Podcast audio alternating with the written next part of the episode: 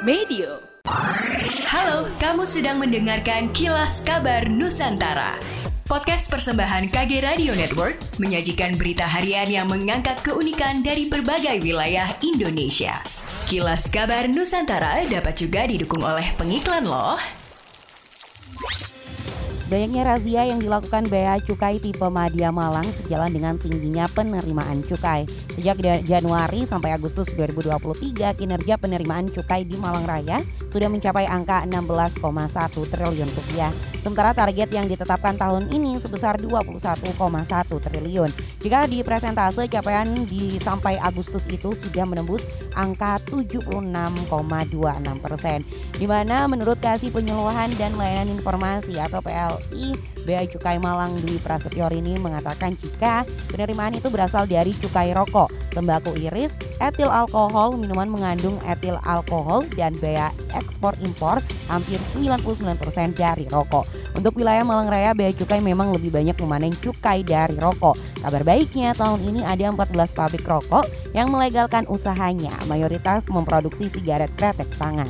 Chandra Buana, Koordinator Data dan Informasi BMKG Stasiun Klimatologi menjelaskan, Bolang Mongondo Selatan menjadi wilayah di Sulawesi Utara yang sudah memasuki musim hujan. Chandra menyebut Bolsol memang dikenal sebagai daerah yang memiliki musim berkebalikan dengan yang terjadi di sebagian besar daerah lain di Sulawesi Utara. Sementara itu untuk wilayah lainnya di Sulawesi Utara, Chandra mengatakan belum bisa memberikan penjelasan terkait dengan kapan datangnya musim hujan. Namun Chandra menyebut perkiraan musim hujan di Sulut akan terjadi di bulan November 2023 mendatang.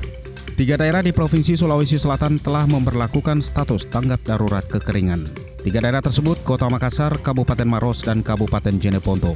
Penjabat Gubernur Sulawesi Selatan Bahtiar Bahrudin pun mendukung pemerintah kabupaten dan kota tersebut memperlakukan status tanggap darurat kekeringan. Bahtiar mengatakan Badan Penanggulangan Bencana Daerah BPBD berkoordinasi dengan instansi pemerintah terkait untuk menerapkan teknologi modifikasi cuaca guna mengatasi kekeringan.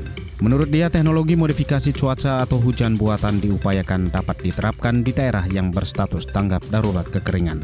Selain itu, daerah yang terindikasi mengalami kekeringan seperti Bone, Sopeng, Bulukumba, dan Sidrap. Sementara itu, Kepala BPBD Provinsi Sulawesi Selatan Amson Padolo menyampaikan hujan sudah 45 hari tidak turun di tiga daerah yang memperlakukan status tanggap darurat kekeringan.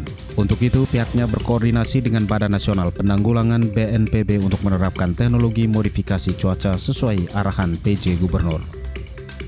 Demikianlah kilas kabar Nusantara pagi ini.